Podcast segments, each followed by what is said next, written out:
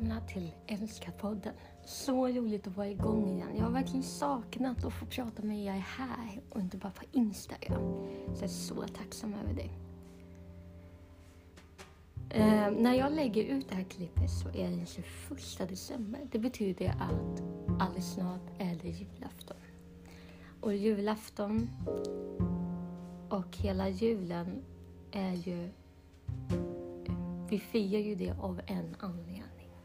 Jesus föddes.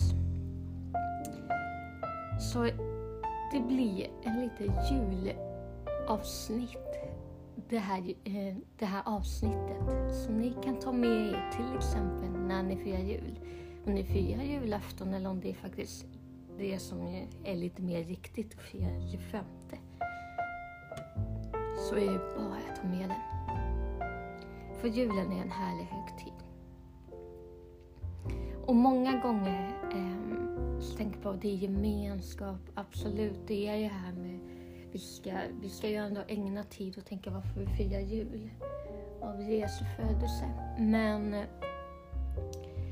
annars så tänker man mycket att det är en gemenskapens högtid. Man måste bara umgås och, med sin familj och så. Och jag vill faktiskt rikta det här avsnittet till dig som är ensam. Till dig som kanske inte har en egen familj. Till dig eh, som kanske inte har föräldrar eller syskon som kanske inte lever längre eller på något sätt att ni inte har kontakt. Eller till dig kanske som en nykomling in i Sverige och kanske inte har så många. Jag vill säga varmt välkommen att lyssna på det här avsnittet. För julen är inte bara en högtid där man ska gemenskap och man ska träffa massor. För jag själv upplever väldigt mycket ensamhet i mitt liv. Då jag har ingen egen familj och det är mycket i, min, i bakgrunden som gör att jag tycker det är väldigt jobbigt med sådana här högtider på ett sätt. För att det, det bara skriker ensamhet om det.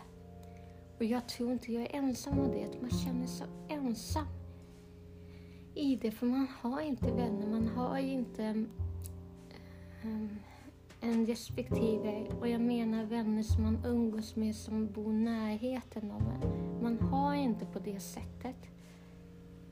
Och då kan en sån här högtid, eller högtid överhuvudtaget, vara väldigt tuffa. Man kan känna sig väldigt ensam. Men vet du vad? Alltså den här högtiden är, kan vara det. Men det viktigaste är ju just att man bara tänker på varför firar vi jul? Det här med gemenskap och det här med allt annat.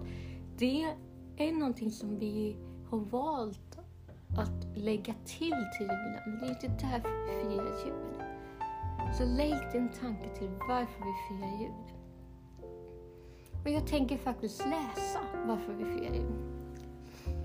Jag, kan, jag tänker läsa från Lukas evangeliet 2.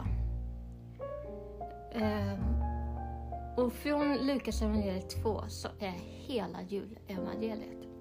Ehm, så sätt dig tillbaka och lyssna. Det här är julens budskap. Och det hände sig vid den tiden att från kejsar Augustus utgick ett påbud att hela världen skulle skattskrivas. Detta var den första skattskrivningen och den hölls när Quirinius var landshövding över Syrien. Alla gav sig då iväg för att skattskriva sig, var och en till sin stad.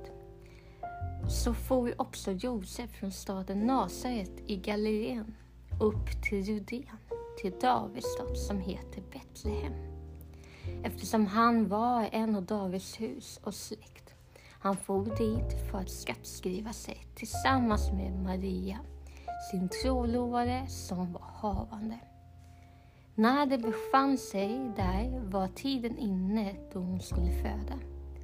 Hon födde sin förstfödde son lindade honom och lade honom i en krubba eftersom det inte fick plats i härbärget. I samma trakt upphöll sig några herdar som låg ute och vaktade sin rutt av natten. Då stod Herrens ängel framför dem.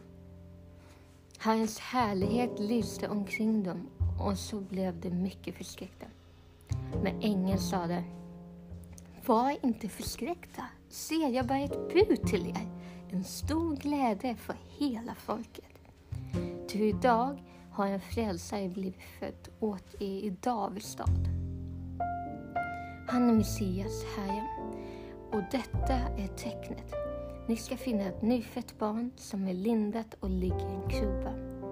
Och plötsligt var där tillsammans med ängeln en stor himmelsk här som prisar Gud. Ära vare Gud i höjden och frid på jorden till människor i hans välbehag.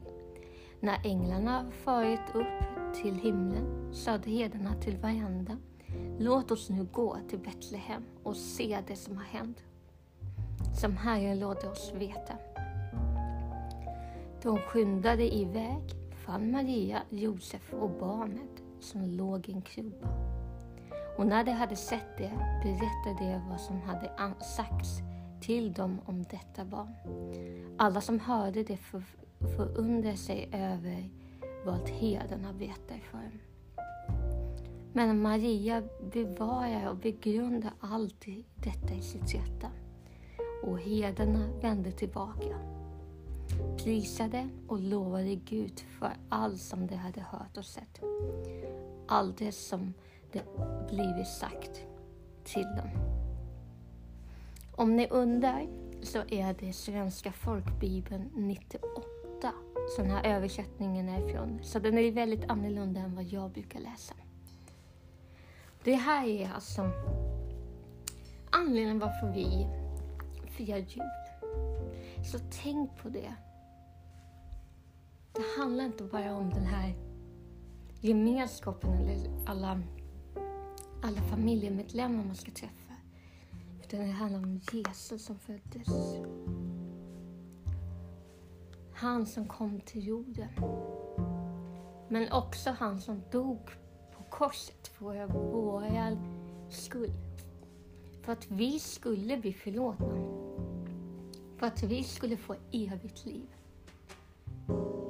Så att det här är en väldigt viktig högtid för oss.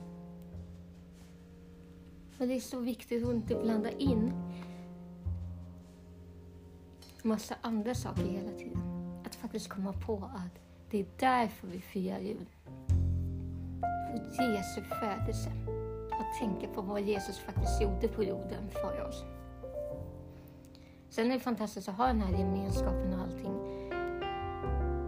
Men du som inte har den behöver inte vara ledsen. För det är inte därför vi firar jul.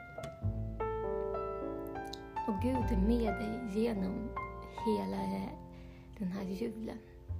Han kommer välsigna dig och han kommer hjälpa dig och han kommer verkligen vara med hela tiden. Så glöm inte bort det.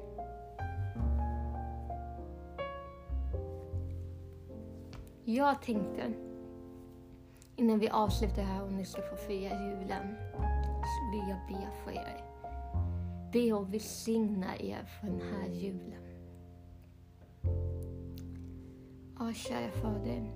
Du har de som sitter eller ser, de som lyssnar på poddavsnittet.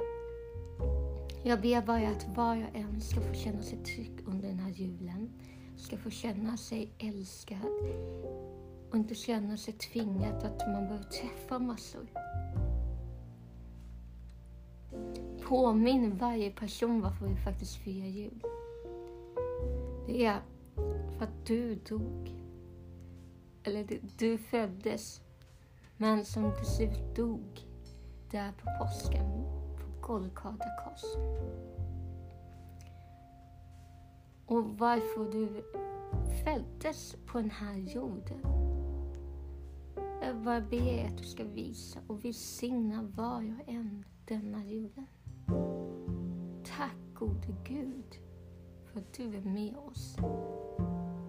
Vad vi än gör, vad vi än tänker, hur vi än mår, så lämnar du inte oss. Tack Jesus för att du är med oss alla dagar inte tidens slut. Amen.